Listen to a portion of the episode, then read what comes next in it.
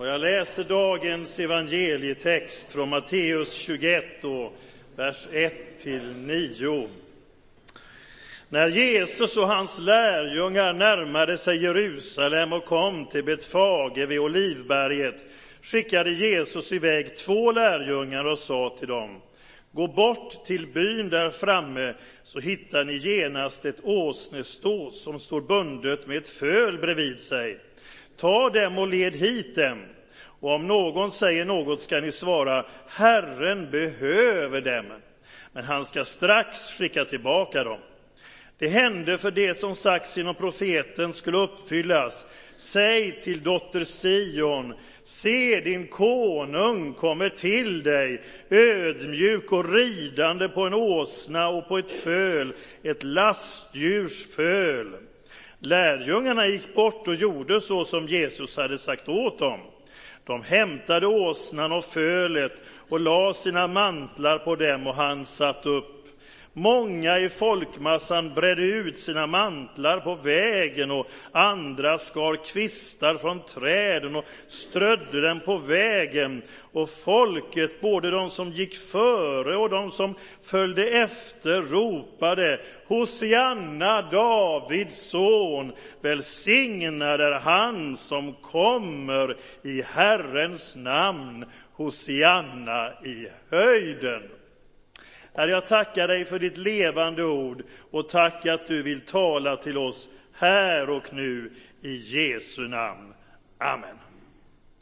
Vad var det för märkvärdigt med att det kom någon ridande på en åsna egentligen? Någon har sagt att åsnor var lika vanliga som Volvo är i Göteborg. Jag vet inte hur de har räknat, men det var ju väldigt vanligt med åsnor. Och eh, man är inte dum som en åsna, det har vi fått helt fel här i Norden. För att där Jesus var i Mellanöstern, där så sågs åsnan som ett mycket klokt djur. Ett fredligt djur, odugligt i strid. Så det får vi ändra om, så döm som en åsna kan vi inte säga. Om vi överhuvudtaget ska prata på det sättet. För det är ett klokt djur, men odugligt i strid.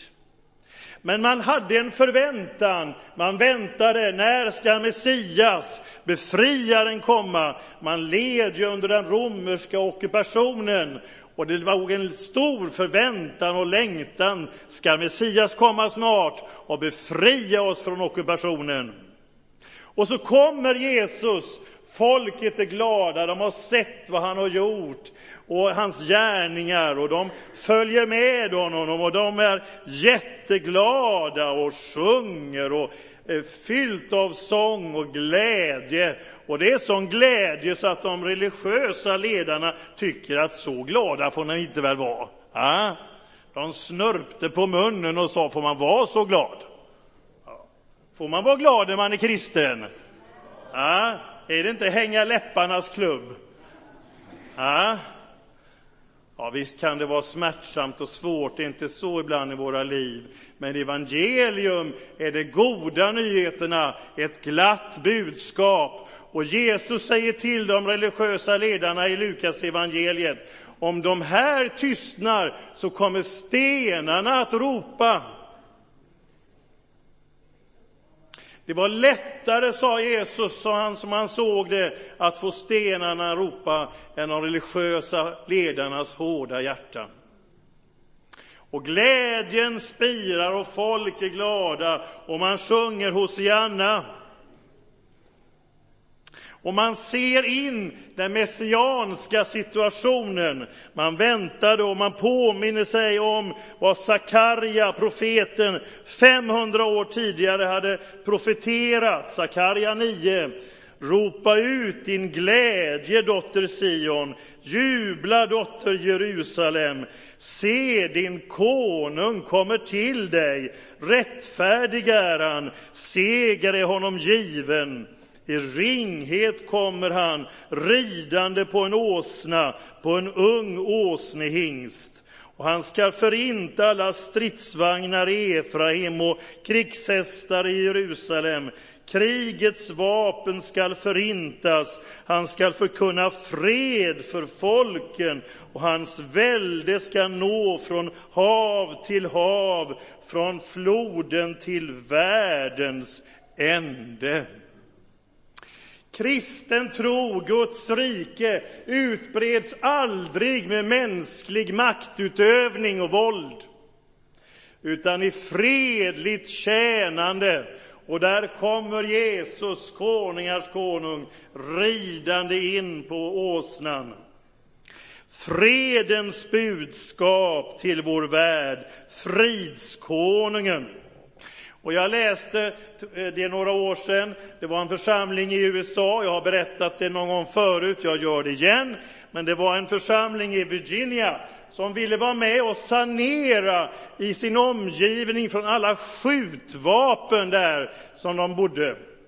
Och då så sa man så här att kom och lämna in dina gevär och pistoler i kyrkan här på lördag. Då får ni 200 dollar insatt på ert bankkonto. No questions asked. Och eh, ni får göra det anonymt. Och kan ni gissa hur många de fick in där den första lördagen? Jo, de fick in 427 gevär. Ja, 427 gevär. Och vad gjorde de med dem? Jo, de återanvände dem och gjorde klädhängare av dem. Det tycker jag var fantastiskt. Ja? En modern variant av Mikas profetia.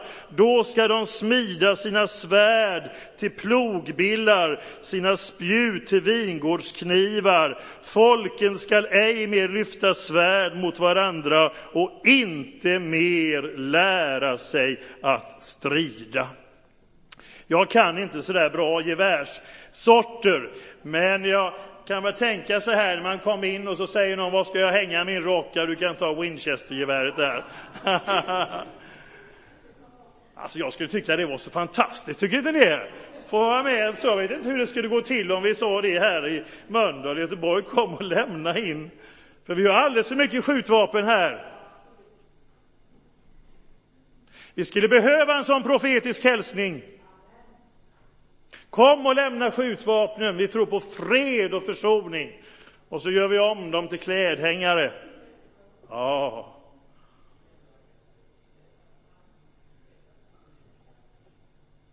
Och tänk att den här sången, Hosianna fräls oss, man sjöng ju bibelorden på den tiden. Och man sjöng Hosianna och hallelujasalmen, det är psalm 113 till psalm 118 i Saltaren. Man sjöng och det är en spontan sång, det är ingen sång. Ja, man, vi behöver ju ha sångledare, så det är inte det. Men i det här fallet så var det ju så när man red att någon måste ju ha börjat tona på den här sången. Det stod ingen pålysning, nu är det 323 eller, eller någonting sådant, utan folket börjar sjunga. Någon måste ju ha börjat nynna. Herre, fräls oss, betyder Hosianna. Grip in i våra liv, förvandla, gör någonting nytt. Och så sjunger man och sången växer sig starkare och starkare och man lägger ut mantlar och palmkvistar precis som när konungen rider in. Men den börjar spontant och jag tycker det är så fantastiskt att den sången har genljudit i flera tusen år. Varför sjunger vi nu? Jo, vi sjunger därför att Jesus red in i Jerusalem och lärjungarna och barnen var så glada. Ja, det är så underbart att få sjunga. Och jag fick en tjuvstart i fredags. Vet ni vad jag var i fredags och fick sjunga? Ja, jag sjöng inte så högt där, men jag var i blomsteraffären i Mölndals centrum för att köpa en bukett blomma till vår äldsta medlem Stina Karlsson som fyllde 94 den dagen. Och när jag stiger in där så möts jag av O helga natt. Jag får komma av mig. Och jag sa till dem där, vad underbart att få komma in och få lyssna till O helga natt och så ska jag ha ett par blommor också. Men sången har högkonjunktur. Vi sjunger och sångerna berör våra liv. Och sångerna, musiken spelas inte bara kvart över sex på morgonen i någon fem minuters andakt, utan i alla möjliga sammanhang.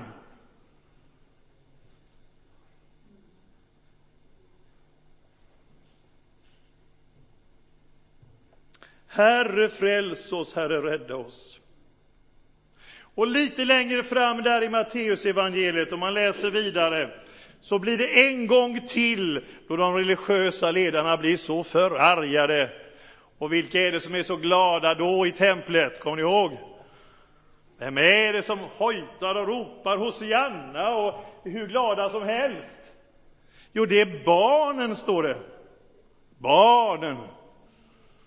Och då står det så här att fariseerna när de hörde översteprästen och de skriftlärde, såg allt det märkliga han gjorde och hörde hur barnen ropade i templet, så blev de förargade. De ropade Hosianna, Davids son.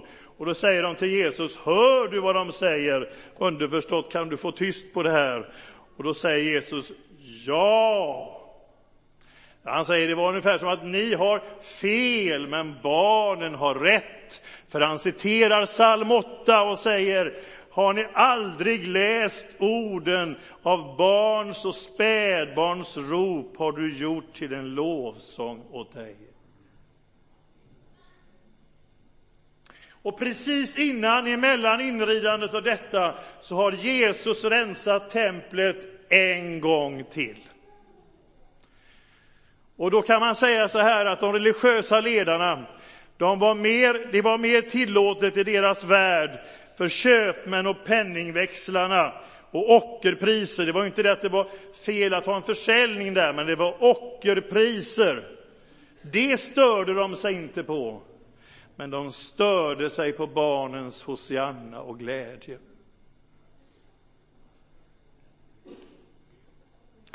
Och Jesus, strax här innan då barnens glädje, han gick till templet, säger Matteus här, och drev ut alla som sålde och köpte där. Han välte omkull borden för dem som växlade pengar och stolarna för dem som sålde duvor. Och han sa till dem, det står skrivet, mitt hus ska kallas ett bönens hus, men ni har gjort det till ett rövarnäste.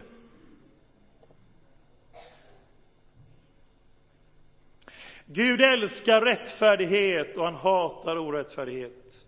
Det var ocker och det var, det var felaktigt handlande. Så Jesus rensar templet och det här ägde rum på hedningarnas förgård. Men jag har sagt det här förut, jag säger det igen.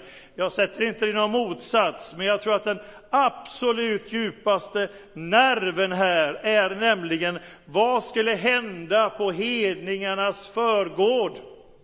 Det var fullt blockerat av kommers. Men vad skulle egentligen hända där?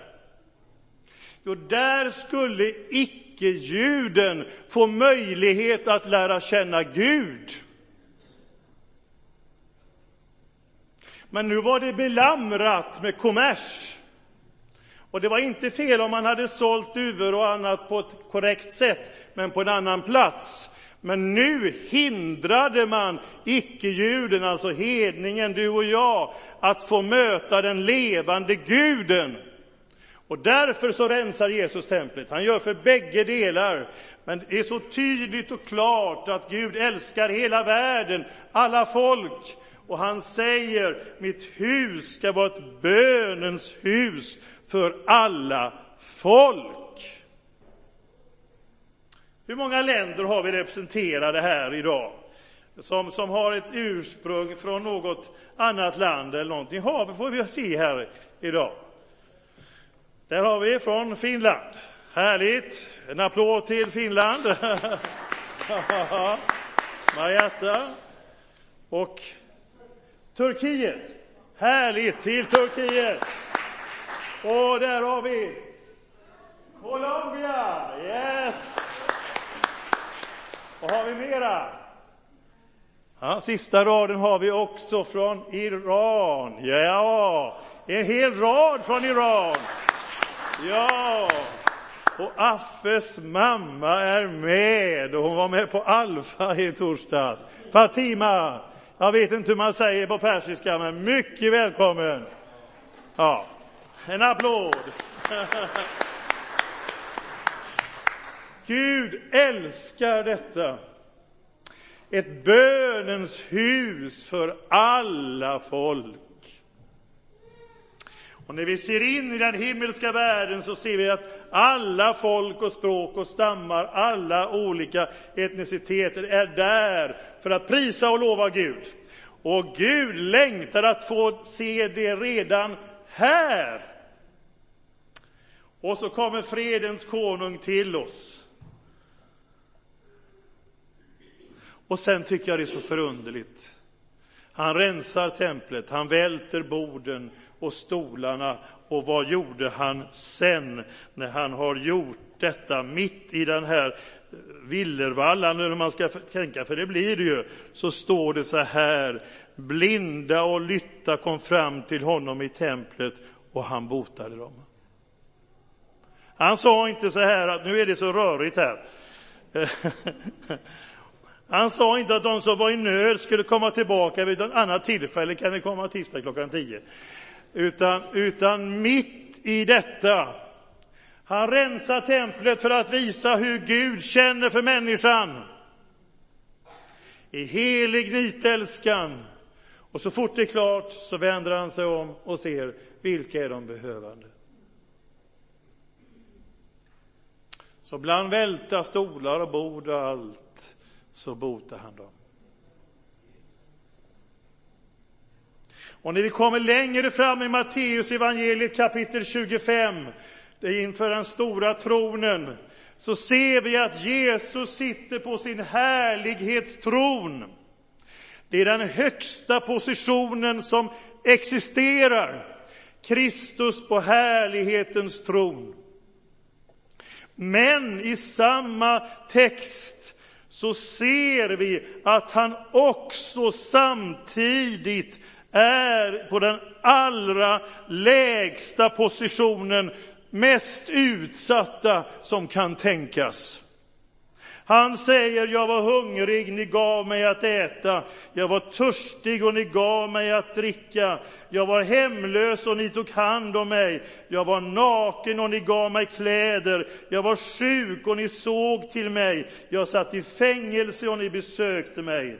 Och de rättfärdiga säger, när såg vi dig sån? Och då säger kungen, sannerligen vad ni har gjort för någon av dessa minsta som är mina bröder och systrar, det har ni gjort för mig. Vi har en fridens konung på den högsta positionen som tänkas kan. Men han är också i tross, allra längst ner i botten är han och identifierar sig fullt ut. Han var full av medlidanden och medkänsla. Han vet vad det är att vara människa. Han vet vad det är att vara flykting i unga år, då man flydde till Egypten. Han vet hur du och jag har det. Och församlingen, mina vänner, blir alltid förnyad när uppmärksamheten vänds från oss själva till dem som behöver vår omsorg. Då får vi rätt perspektiv och fokus på det vi sysslar. Annars har vi ju människor, jag vet inte, men vi är ju lite sådana där att vi ibland fastnar i trivialiteter och, och krånglar till det. Det lär visst finnas något lands ordspråk som har så här att det finns ingenting som är så enkelt som vi inte kan krångla till det. ja. Men om vi får det här så får vi rätt fokus.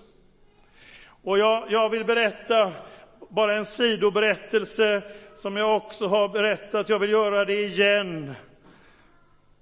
Det är inte alla predikningar man kommer ihåg långt tillbaka, men jag var 1979 i Philadelphia i Stockholm och lyssnade på Chuck Smith från Calvary Chapel och han berättade hur Jesusfolket välde fram, de var ett redskap för det i den församling där han var. Då var det ju så att allting var så fint i kyrkan och de var så glada för sin nya matta. Och det kan man ju få vara. Men allting var så fint och perfekt. Och så berättar han att plötsligt så kom det ett gäng hippies in, flower power, och, och de kom barfota och de var smutsiga, de luktade inte parfym från Paris och det blev allmänt oreda och krångel. Ja, så först tänkte han så här, vaktmästaren kan ni hjälpa dem? Ja, ut där. Men det blev inte så. De kommer fram och så säger Chuck Smith, till råga på allt så vill de bli frälsta. Ja, hur ska vi göra nu då?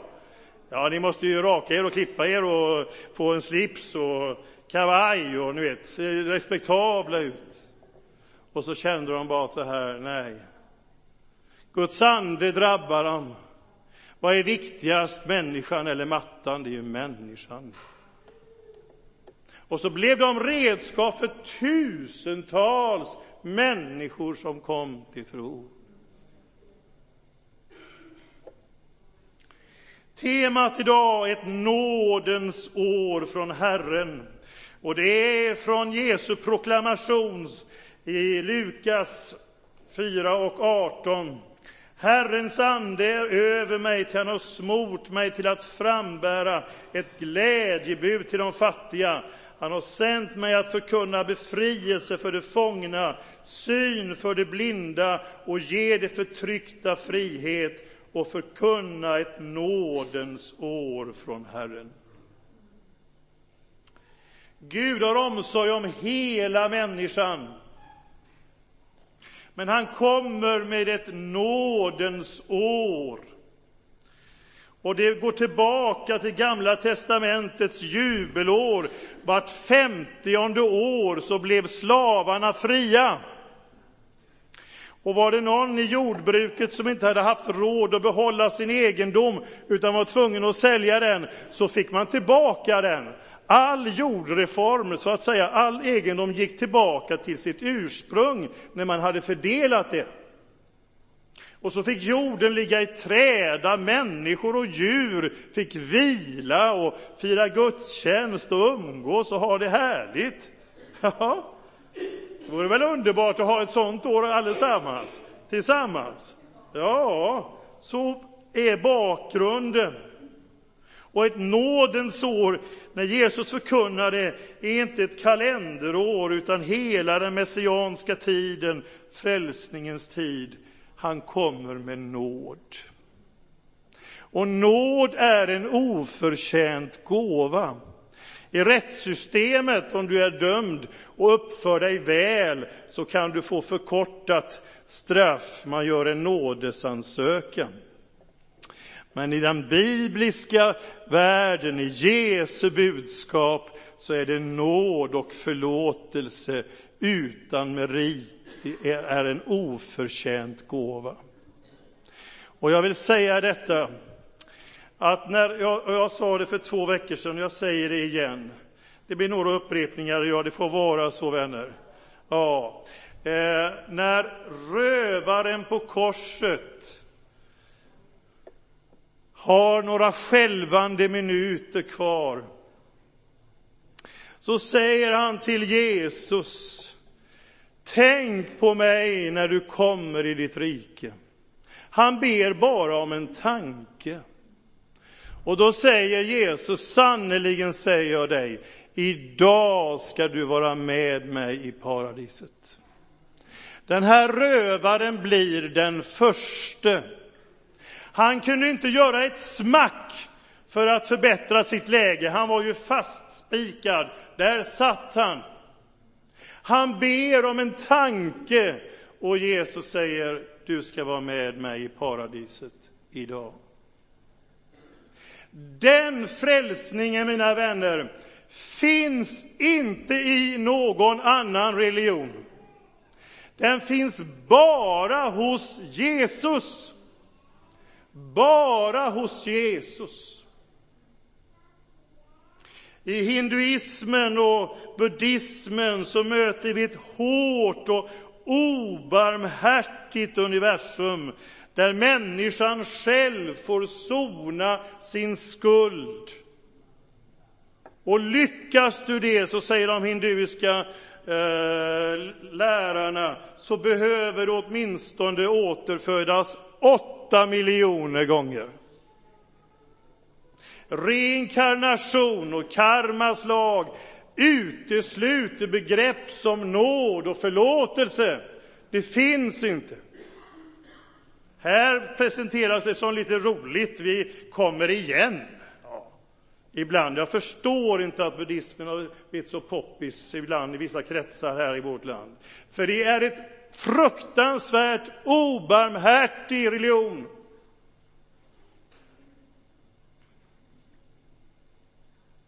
Och vänder du dig till islam, du är 60 år, eller vad du nu är för ålder, och då är det så att det onda och det goda du gjort ska vägas och det goda måste väga över.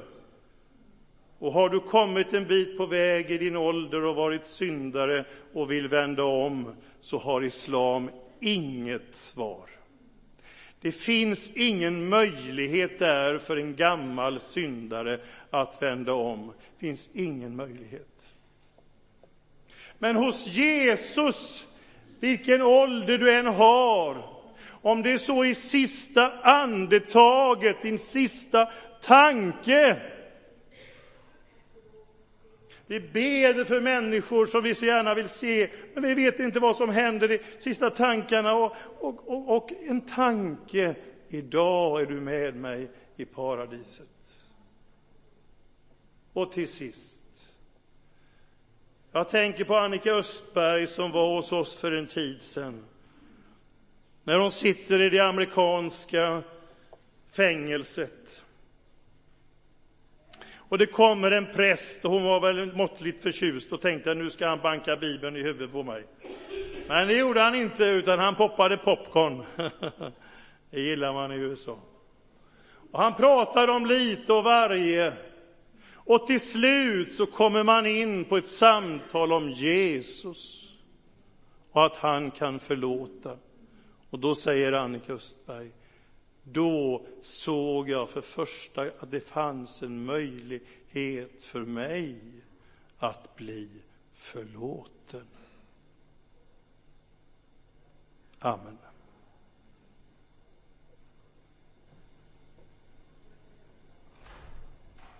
Herre, tack att vi får hålla fast vid dig och du håller fast vid oss. Tack att du är nåderik, du är fridsförsten. Du är vår förtrogne, du är vår bundsförvant. När vi är på topparna i livet, när vi är i den djupaste dal, i dödsskuggans dal, så är du också med oss. Och vi kan inte hamna någonstans där vi inte är sedda av dig. Du är seendets Gud. Det första namn du får i Bibeln, seendets Gud. Och tack att du är med oss alla dagar, alla sorts dagar. Och du håller fast vid oss och vi vill hålla fast vid dig. Du fridens konung, underbar i råd, väldig Gud, evig fader och fridsförste. Amen.